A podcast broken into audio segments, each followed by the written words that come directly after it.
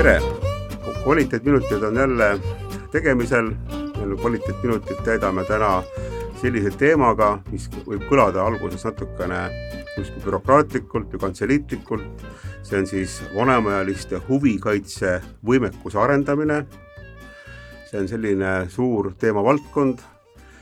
täna me püüame sellest aru saada ja meie stuudios, nagu ikka, on kuuskümmend pluss toimetaja Eve Rohtla. tere! ja Tallinna Ülikoolist, kes äh, on, tegeleb just vanemaealistega kõige erineval ja kõrgemal tasemel, äh, teadur Tiina Tambaum. tere! ja Tiina on meil just täna selleks ka siin ja ma loodan, et kvaliteetminutites ka edaspidi järjest sagedamini, et seda äh, vanemaealiste teemat, mis on nüüd ühiskonnas nagu üldiselt justkui meil juba teadvustatud, et see on teema, aga mida siis ikkagi teha ja nüüd seesama vanemaealiste huvikaitse, asi see on, mis asi on selle võimekus ja kuidas seda arendatakse,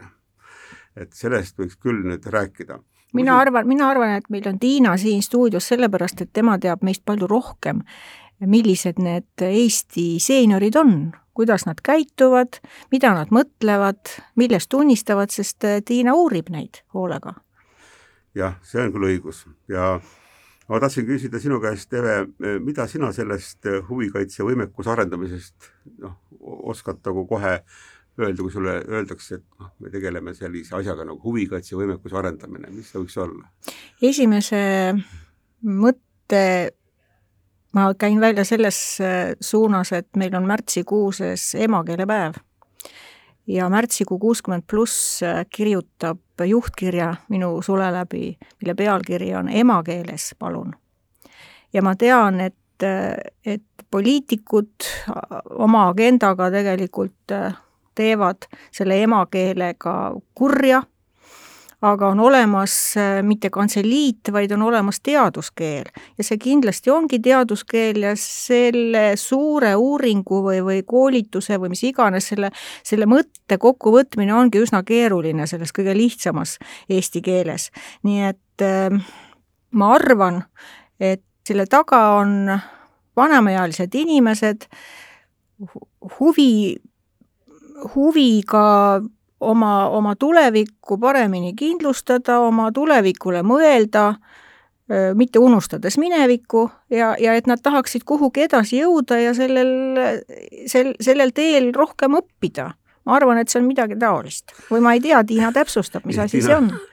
et Tiina jah, kuidas sina oled selle oma programmi sisu siis täitnud? Sellesse programmi, programm, võimekuse arendamise programm on, eks ole, õppimise võimalus ja me pakume seda võimalust Tallinna Ülikoolis ja me pakume mitte niivõrd vanematele inimestele endile, vaid nendele inimestele, kes tegelevad vanemate inimestega. Ja seal on vanused, võivad väga noored olla, võivad vanad olla, võivad keskmised, et vanus siin ei puutu asjasse, aga inimesed, kes siis tegelevad vanemate inimestega ja kuna üks osa vanematest inimestest on ka ütleme siis rohkem haavatavad või selline osa inimestest, kes ei suuda iseenda õiguste eest ise täiel määral seista või ei oskagi või ei teadvustagi, et ta peaks seda tegema, et siis on vaja, et teised tema eest eh, seisaks. no lastekaitse on, on arusaadav või siis äh, Äh, mingid teised huvigrupid, kus on siis haavatavad inimesed. aga üks osa on siis huvikaitse, teine on lihtsalt tegelemine, me nimetame neid üldsõnaga praegu, võib-olla mitte tulevikus äh, seenioritöötajateks, äh, aga aga sellist seenioritöötajat mitte kuskil meil ei tööta, vaid see on kus, kuidas, kas nad on siis kultuuritöötajad või nad on raamatukogu töötajad või nad on äh, kogukonna eestvedajad, äh, on ka sotsiaaltöötajaid, on meil koduõenduse pealt, ehk kuidas kuskil kujunenud on ja siis nende eesmärk on, et või meie programmi eesmärk siis samamoodi, et äh, luua siin Eestis selline keskkond, kus vanemat inimest koheldakse kui normaalset kodanikku, kui arenevat inimest, kui panustavat inimest, mitte siis niivõrd abivajajat, äh, haiguste puuetega inimest, üks ei sega jälle teist, aga praegu nagu sotsiaaltöö on väga hästi meil arenenud äh, valdkond, aga selle kõrvale on vaja ka valdkonda, kus võimestatakse vanemaid inimesi olema need, kes nad on, sõltumata sellest, kui vanad nad on. no see tundub ikka päris äh, ambitsioonikas plaan olevat, sest et äh, me räägime ikkagi inimesi, inimestest, keda on Eestis ju tuhandeid ja tuhandeid ja nagu see projekti nagu mõte või suund on nagu selleks, et me ei jäta neid inimesi nagu üksinda või kui inimesed on nagu, nagu natuke hädas või nad ei tea, mida teha, noh, hädas just selles mõttes, et et nad ei ole, ei pea olema kui mingi puudega või mingi raske haigusega, nad tegelikult oleks täiesti valmis tegutsema, või ka isegi on ka puue ja on ka haigus, ikkagi mm -hmm. nad, nad tahaksid ikkagi tegutseda, sest inimese vaim on ikka virge ja ta tahab olla keegi. ja nüüd ongi nüüd see suur ülesanne nagu, kuidas siis kuidas siis pakkuda neile see võimalust või kuidas neid siis äratada ja kuidas neid kaasata, kas ma saan õieti aru? kaasamine on jah, see märksõna, aga üks asi on, et nad tahaks, aga ei tea, kuidas, aga teine asi on, et ei teadvustagi. et vanemate, vanemas eas või vanemate inimeste roll on ka olla ikkagi ühiskonnaga kaasas ja seda teadvustamist tuleb siis ka toetada. näiteks väga sage näide on ja, ja kõik, peaaegu kõik, ma ei olegi inimest kohanud, vanemat inimest, kes sellega kokku pole puutunud, on, et sa lähed arsti juurde, kaebad millegi üle ja siis sulle öeldakse, et aga vaata passi. lihtne näide, sellega ei tohi nõustuda. tuleb vähemasti märku anda, et see ei ole normaalne, et te ütlete mulle, vaata passi. vot see on see, et inimene isegi ei tea, et, et tema tema võiks oodata, et tema arst niimoodi ei, ei ütle talle. nüüd pigem arvab, et noh, jah, ma olengi ju vana, tõepoolest, et need, jah, et need ja, tõved ja. ju käivadki mööda vanemaid inimesi. täpselt, aga nüüd needsamad inimesed, kes siis ümbritsevad seda vanemat inimest, kelle kohta ma ütlesin, seenioritöötajad, nemad peavad seda signaali eh, kandma, levitama, ja, ja alles siis saab oodata, et inimene siis, isegi ta on võimeline seda ju enda eest võitlema või enda eest äh, seisma, äh, talle siis teadvustama seda, et see on see koht. aga kustkohast on üldse Eestisse tulnud selline suhtumine, et vanemad inimesed tuleb üle parda heita? see ei ole ainult Eestis niimoodi, selle kaugem selline juur on, et meie oodatav eluiga on kasvanud väga kiiresti et viiskümmend aastat tagasi oli sul seda pensioniiga palju varem, eks ole, tuli pensioniiga ja sa elasid lühemalt. Ja nüüd on see kasvanud kuni Covidini, Covid on nüüd korrigeerib seda. Ja nagu meie psüühika või meie ühiskondlik äh, arusaam ei ole sellele järgi tulnud, et äh, kui tööiga lõpeb, siis ei hakka valmistumine surmaks, vaid on terve kakskümmend viis, kolmkümmend aastat äh, aktiivset elu. No mitte tööiga, vaid ütleme, see vanaduspensioniiga saabub. ja, ja kuidagi seda ei teadvustata, ehk ja selle, selle taustaks on ju veel see või põhjuseks, et me, meile, meile ju ei õpetata, kuidas käib vananemine. me õpimegi läbi eeskujude ja vot need eeskujud on meie vanaemad, vanavanaemad ja seal käis nii, et kui äh, töö, töö, tööiga sai läbi, siis oledki maha kantud, peadki kõrvale astuma, ei saagi sinult enam midagi oodata, aga pool sajandit hiljem enam ei ole asjad nii, sest meie eluiga on kasvanud. sest et sa nagu justkui ei oleks kasulik enam kellelegi. täpselt. aga Eve, kas sinu eh, noh, nüüd kuuskümmend pluss on juba tükk aega regulaarselt ilmunud ja sul on hästi palju oma lugejatega kontakte, aga kuidas sulle tundub nüüd ka kirjad ja pöördumised, lugejate kirjad, et kas nüüd, kuidas see teema nagu sealtpoolt paistab, kas nad ootavad sellist eh, noh, aktiviseerimist ja nii-öelda huvikaitset? Nagu me kõik teame, siis eh, seeniorid on väga leplikud, nad on elus palju elanud eh, ja igasuguseid kiususid üle elanud ja, ja nad on nagu palju leplikumad, nagu Tiina just ütles, et sulle öeldakse, et vaata passi ja siis enamasti seenior vaatabki passi ja mõtlebki, et noh, mis ma siis siin nüüd saada tahan. ja tegelikult on mul ju kodus äh, noor pere, kes elab minust palju halvemini ja, ja neil on kasvavad lapsed ja juba on suusasaapad väikseks jäänud ja ja juba tuleb uued osta, et tegelikult peab hoopis noori inimesi aitama. või, või nii, nagu meie õpetaja Marju Lauristin ütles, et vaesus on üksikema nägu noh, need võib-olla kõik on juba ka vananenud arusaamad, võib juhtuda, et vaesus on hoopis seeniori nägu ja võib-olla ka mõne üksikema nägu, et vaesus ei käi minu meelest enam ammugi mööda sotsiaalseid gruppe ja, ja erinevaid teisi inimgruppe ja vanuselisi gruppe. vaesusel on väga palju nägusid minu meelest. aga mida nad on pahaks pannud ja millest me oleme ka kaheteistkümne aasta jooksul palju kirjutanud, on just see, see töökius või see, et kui ma kandideerin kuhugi, siis juba neljakümne viie aastase naise kandideerimiskiri tõstetakse kohe teise hunnikusse ja enam kaugemale see ei jõua, nii et me ei räägi siin enam pensioniealistest, vaid see, see probleem tuleb palju-palju varem juba meile ette seinana, nii et noh, see on nüüd see asi, on kuulda, et see on muutunud ja muutunud on ta sellepärast, et äh, ma ei tea küll, kuidas praegune olukord on seoses selle Covidi ja kõige muuga ja, ja muude kriisidega siin, siin elus, tervisekriisid ja, ja turvalisuse kriisid, et paljudes kohtades ju tööjõudu napib ja tänu sellele on tulnud ju äh, kõne alla ka hoopis teised, need, need, need töötajad, keda muidu võib-olla väga hea meelega tööle ei võtaks, aga, aga noh, on, on juba aru saanud minu meelest tööandjad, et et seenior on, on väärt tööjõud ja ta ei, ta ei kipu õhtul kiiresti ära ja ja tal ei ole kodus haigeks jäävaid lapsi ja, ja kõike muud, nii et et praegu on see asi natuke minu meelest muutunud, kindlasti on ka erandeid, võib-olla Tiina teab siin paremini, kes on rääkinud otseselt võib-olla sellel teemal. eks ta muidugi loomulikul viisil muutub, aga üks asi on värbamine ehk võtta tööle siis inimene, kes pakub ennast tööle aga teine asi on põlvkondadevaheline koostöö selles kollektiivis, ehk sinu praegused töötajad ka ju vananevad ja need, keda sa võtad tööle ja kes on verinoored, nemad tuleb siduda selle vanemate inimestega, kes sul kollektiivis on, ehk sellist põlvkondade vahelist koostööd tuleks juhtida. ja, ja mõlemat pidi, et vanem kolleeg selgitab või, või, või mentordab seda nooremat, aga, aga terve uurimissuund on ka selle kohta, et täna, et noored mentordavad vanemaid inimesi. ja üks mõtlemiskoht on veel, et et tavaliselt võetakse midagi ette, kui tööprotsessis on vaja noh, arendada, tehakse uus toode, teenus, midagi muutub, ehk see alg, muutuse algidee tuleb tööst endast aga muutusi vajab ka, vajab kollektiiv ka sellepärast, et tema töötaja on nüüd jõudnud mingisugusesse uude vanus, vanusestaadiumisse ja tema vajadused muutuvad. ehk seda vaadet, et kas ta siis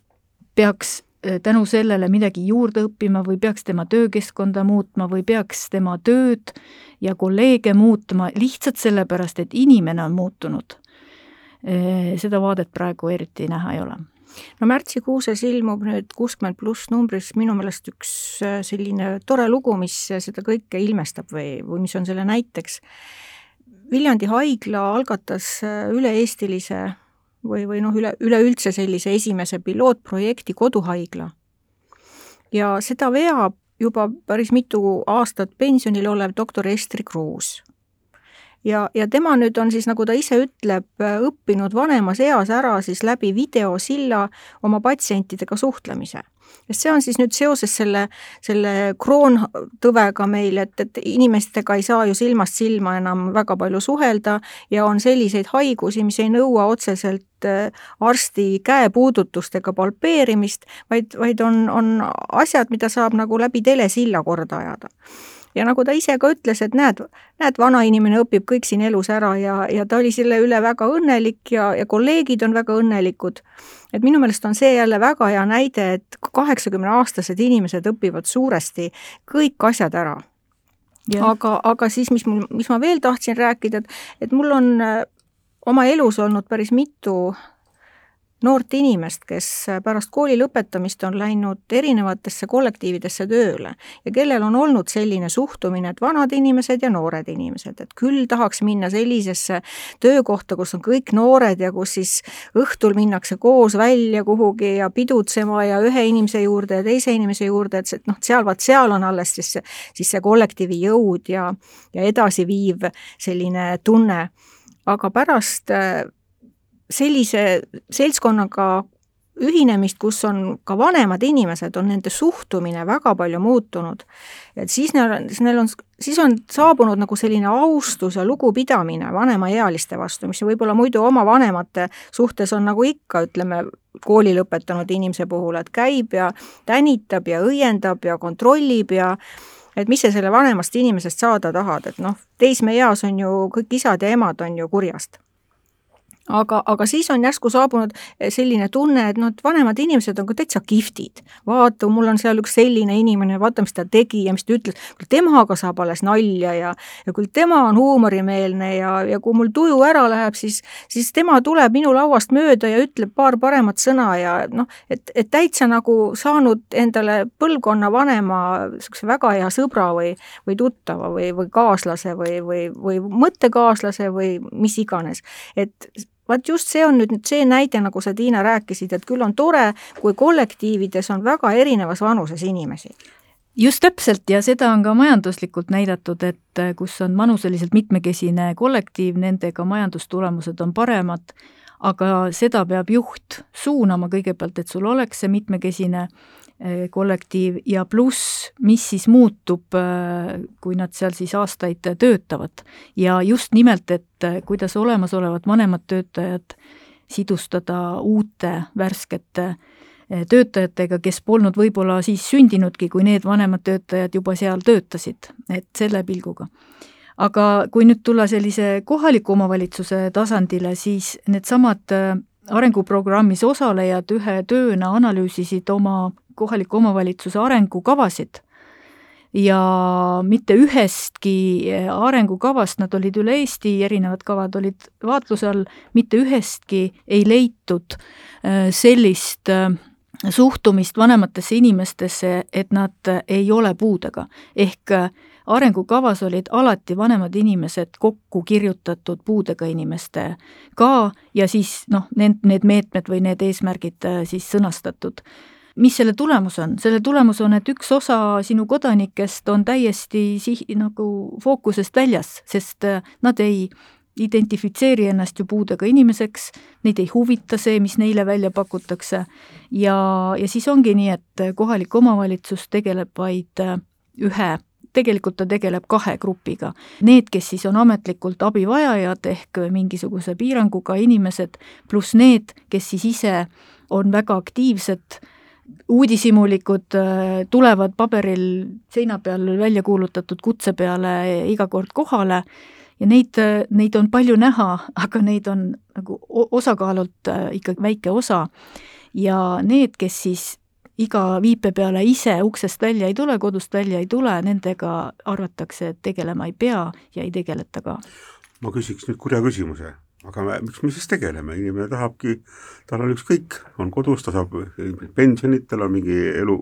noh, seatud, tal on kodu, las ta siis olla, kui tal tekib tahtmine olla aktiivne, küll ta siis läheb kusagilt ja leiab ise selle, et miks, miks me peaksime tema huviga, tema huvi pärast muretsema ja, ja, ja noh, tegeleme siis nendega, kes juba tahavad ja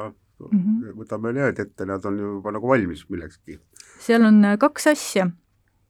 esiteks see, mida pakutakse, see ei, ei huvita. kui pakutakse midagi muud, siis ta tuleks. aga see pakkumine on ikkagi väga kõrgharitud äh, naisterahva nägu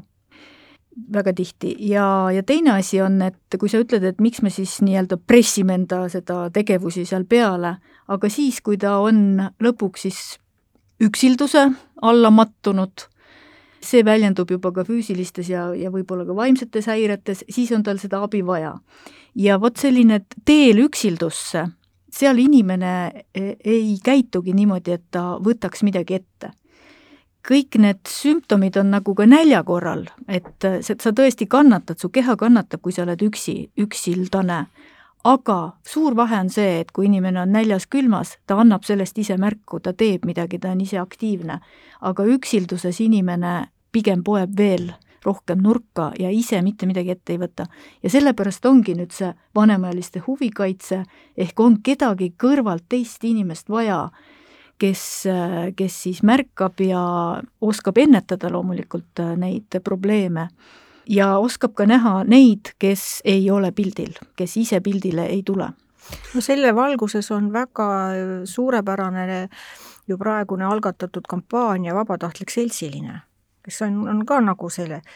see seeniori kaitsja see on täpselt see, see on nüüd üks osa sellest jah, vanemaealiste huvikaitsest ja, ja vanemaealiste hu-, vabatahtlike seltsilistel on ju igas maakonnas koordinaatorid ja no vot, koordinaator peab nüüd olema, kes teab kõiki neid diskrimineerimise ohtusid ja üksildusest teab palju ja eetikast ja kõigest, vot tema on see sellise arenguprogrammi üks meie sihtgrupp, grupi inimestest, keda me näeme, pluss vabatahtlikud tänapäeval ei ole ka sellised, et tulen ja annan lihtsalt oma aega, nemad ka õpivad, eh, läbivad kõik kahepäevase koolituse ja, ja õpivad, kuidas seda seltsi pakkuda. ja kindlasti õpivad ka seltsi pakkudes nii et nad saavad, nad saavad ja, väga ja. suure kogemuse ja, ja see on kindlasti väga huvitav. muidugi. sul on nüüd mitu kursust juba neid äh, huvikaitsjaid koolitatud? jah, teine grupp äh, nüüd kohe hakkab lõpetama. ja mida sa nüüd võiksid juba selle kogemuse põhjalt öelda, kas äh, nende võimekus siis tõesti juba teiste võimekust tõsta on paranenud?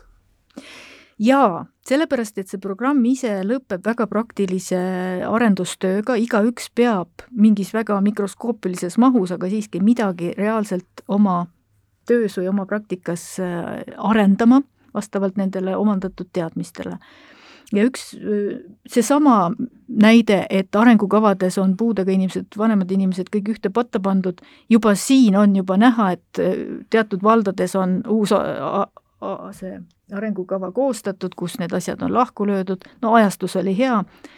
ja siis näiteks teine näide, et ühe uuringu kohaselt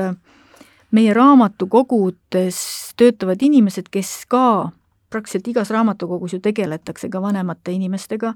nad absoluutselt ei tea, mida naabervallas tehakse, mida naabermaakonnas tehakse, see on üldine probleem, et äh, kohalikud omavalitsused ei jaga oma kogemust. ja siis üks meie õppija lõi siis nende raamatukogude töötajate võrgustiku Tartu maakonnas, kes tegelevad seenioritööga vanemate inimestega, ma ise käisin selle võrgustiku loomise nii-öelda koosolekul või kogunemisel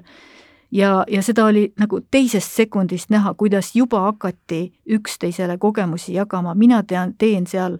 eh, seda eatute klubi, ma teen seda hommikuti, teine ütleb, oi, mina olen püüdnud õhtuti teha ja ei hakka tööle, ühesõnaga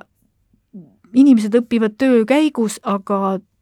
meil puudub võimalus äh, üksteiselt õppida, rääkimata, et siis kutsuda võrgustikus ka kedagi kolmandat juurde, kellelt siis äh, veel juurde õppida, pluss ühisprojektid ja nii edasi. ühesõnaga, see on tehtud ja praegu selles äh, uues teises grupis on seal arendamisel osaliselt ka sellesama vabatahtliku seltsilise liikumise tiiva all äh, vabatahtlike töö korraldamine hooldekodus niimoodi, et see oleks ka kognitiivselt stimuleeriv nendele hooldekodu elanikele. Ehk see ei ole lihtsalt meele lahutamine või, või ajalehe ette lugemine, vaid see oleks selle pika elatud elu baasil sellise elu mõtestamise protsess ja, ja, ja ka aju erinevate funktsionaalsuste stimuleerimise võimalus, pluss isegi panustamine, et, et hooldekodu elanikud saaksid olla osa sellest kogukonnast, kus see hooldekodu asub. ühesõnaga, tegevused on väga erinevad ja väiksed sellised ampsud, arendustöö ampsud on, on tehtud või tegemisel. mul on üks täpsustav küsimus, sa rääkisid, et need tegevused, mida peaks nagu sellistele nurka tõmbunud inimestele välja pakkuma, et need tegevused on seni tihti olnud kõrgharitud naise nägu et missugused siis peaksid olema sellised, kas te olete arutanud, et, et mis võiks olla siis see valdkond, mis võiks palju rohkematele äh, inimestele huvi pakkuda või kuidas neid, kuidas neid siis kaasata? no see üks grupp, kelle nägu ei ole, need tegevused on siis vanemate meeste ja võib-olla ka siis mitte väga kõrgelt haritud vanemate meeste grupp ja meil on äh, meestekoda, Tartu Meestekoda, tema esindaja õpib, Tartu Meeste Garaažist kaks inimest õpivad ja kaugelt vaadates tundub, et nad teevad täpselt üht sedasama asja, põhimõtteliselt ongi, põhimõtted on samad, aga ma, ma võtangi nüüd need kaks näidet Tartus, üks on meestekoda, teine on meeste garaaž. meestekoda on tema selline tegevuste tuum, on keritud ümber töökoja, ehk neil on ruum, kus on palju tööpinke, uksed on lahti, saad teha, mis sul vaja teha on ja sellest kasvavad välja mingisugused suhtlused, aktsioonid. Meeste garaaži tuum, see, mis tõmbab iseenesest, on saun. Et nende ruumis, kus nemad kogunevad, on siis regulaarselt saun ja vot seal saunast hakkab asju juhtuma ja nad käivad abistamas Maarja külal seinu värvimas või, või puid istutamas seal Äksi alevikus, ehk nad aitavad nende oskustega, mis nendel meestel olemas on, ja ka tööriistadega. ja, ja näiteks nüüd Pukas tuleb kolmas, ei, Pukas tuleb ka, aga, aga Lääne-Harjumaal äh, on selleks tuumaks äh, toidu tegemine, et on äh, köök ja inimesed siis näitavad või, või, või õpetavad toitu tegema, saab ka süüa, eks, pärast seda toitu, ja see on see, mille ümber ketrab äh, siis see põhi, põhitegevus ja mille ümber saab kasvatada omavahelist suhtlust ja seda kuuluvustunnet ja, ja seda tunnet, et sa oled vajalik. tegelikult on see väga huvitav, mida sa rääkisid, sest et need on nii loomulikud asjad tegelikult, mis no, peaksid küll olema, et inimesed saavad kokku ja lihtsad ja inimlikud ja, asjad. väga in, lihtsad inimlikud asjad ja vist ongi üks suur probleem, et noh,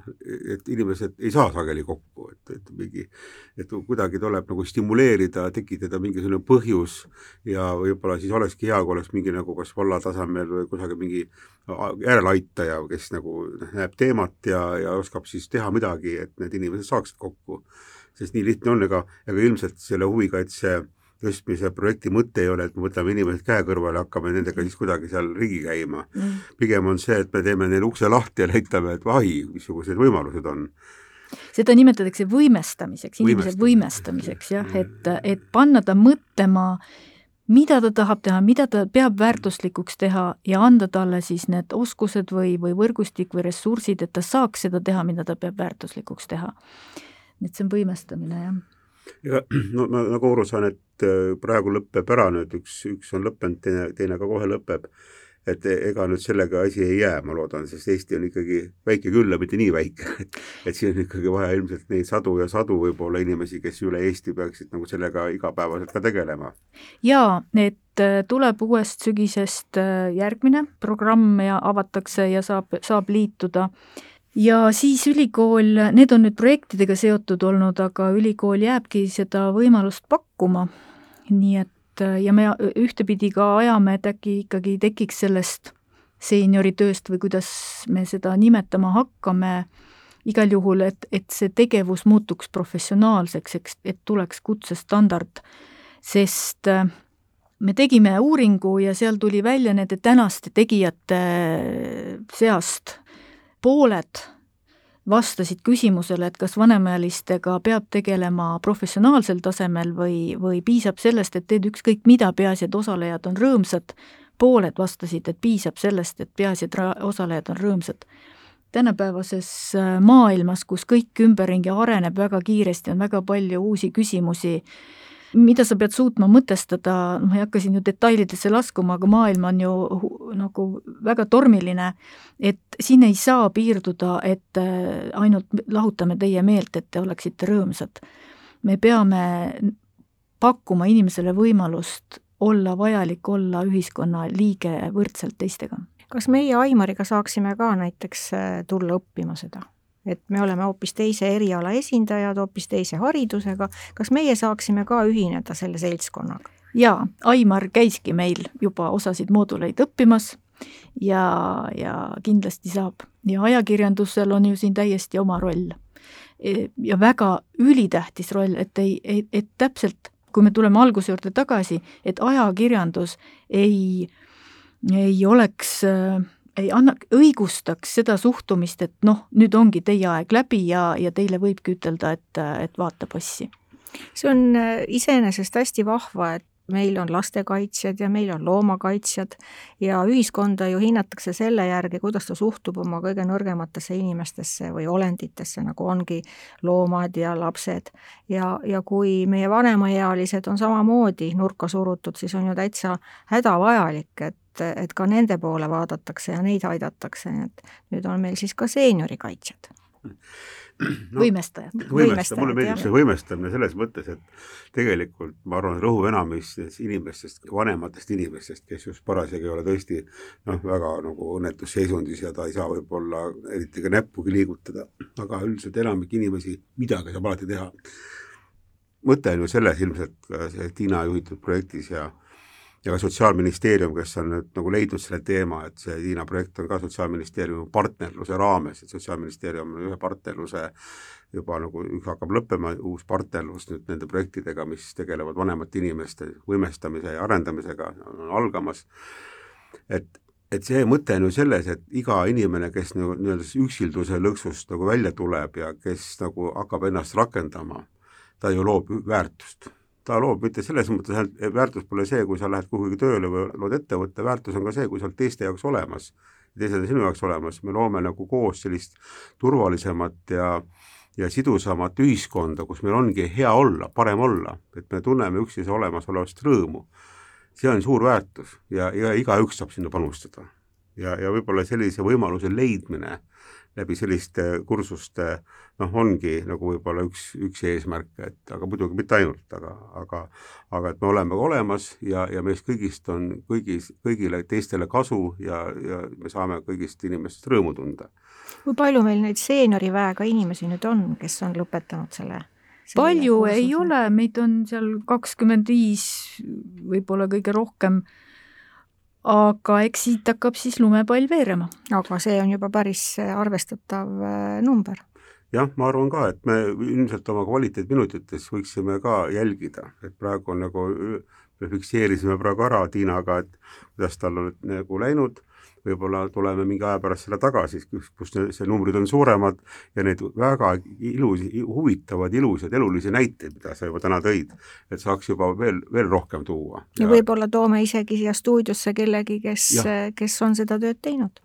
et me saame siit kindlasti edasi, ka meie pall on siit veerema hakanud mm. -hmm. et Evega me võiksime siis täna osad kokku tõmmata, mulle tunne, et me jõudsime väga, väga heade tulemusteni tänases vestluses. me arvame, et meie seeniorid äh,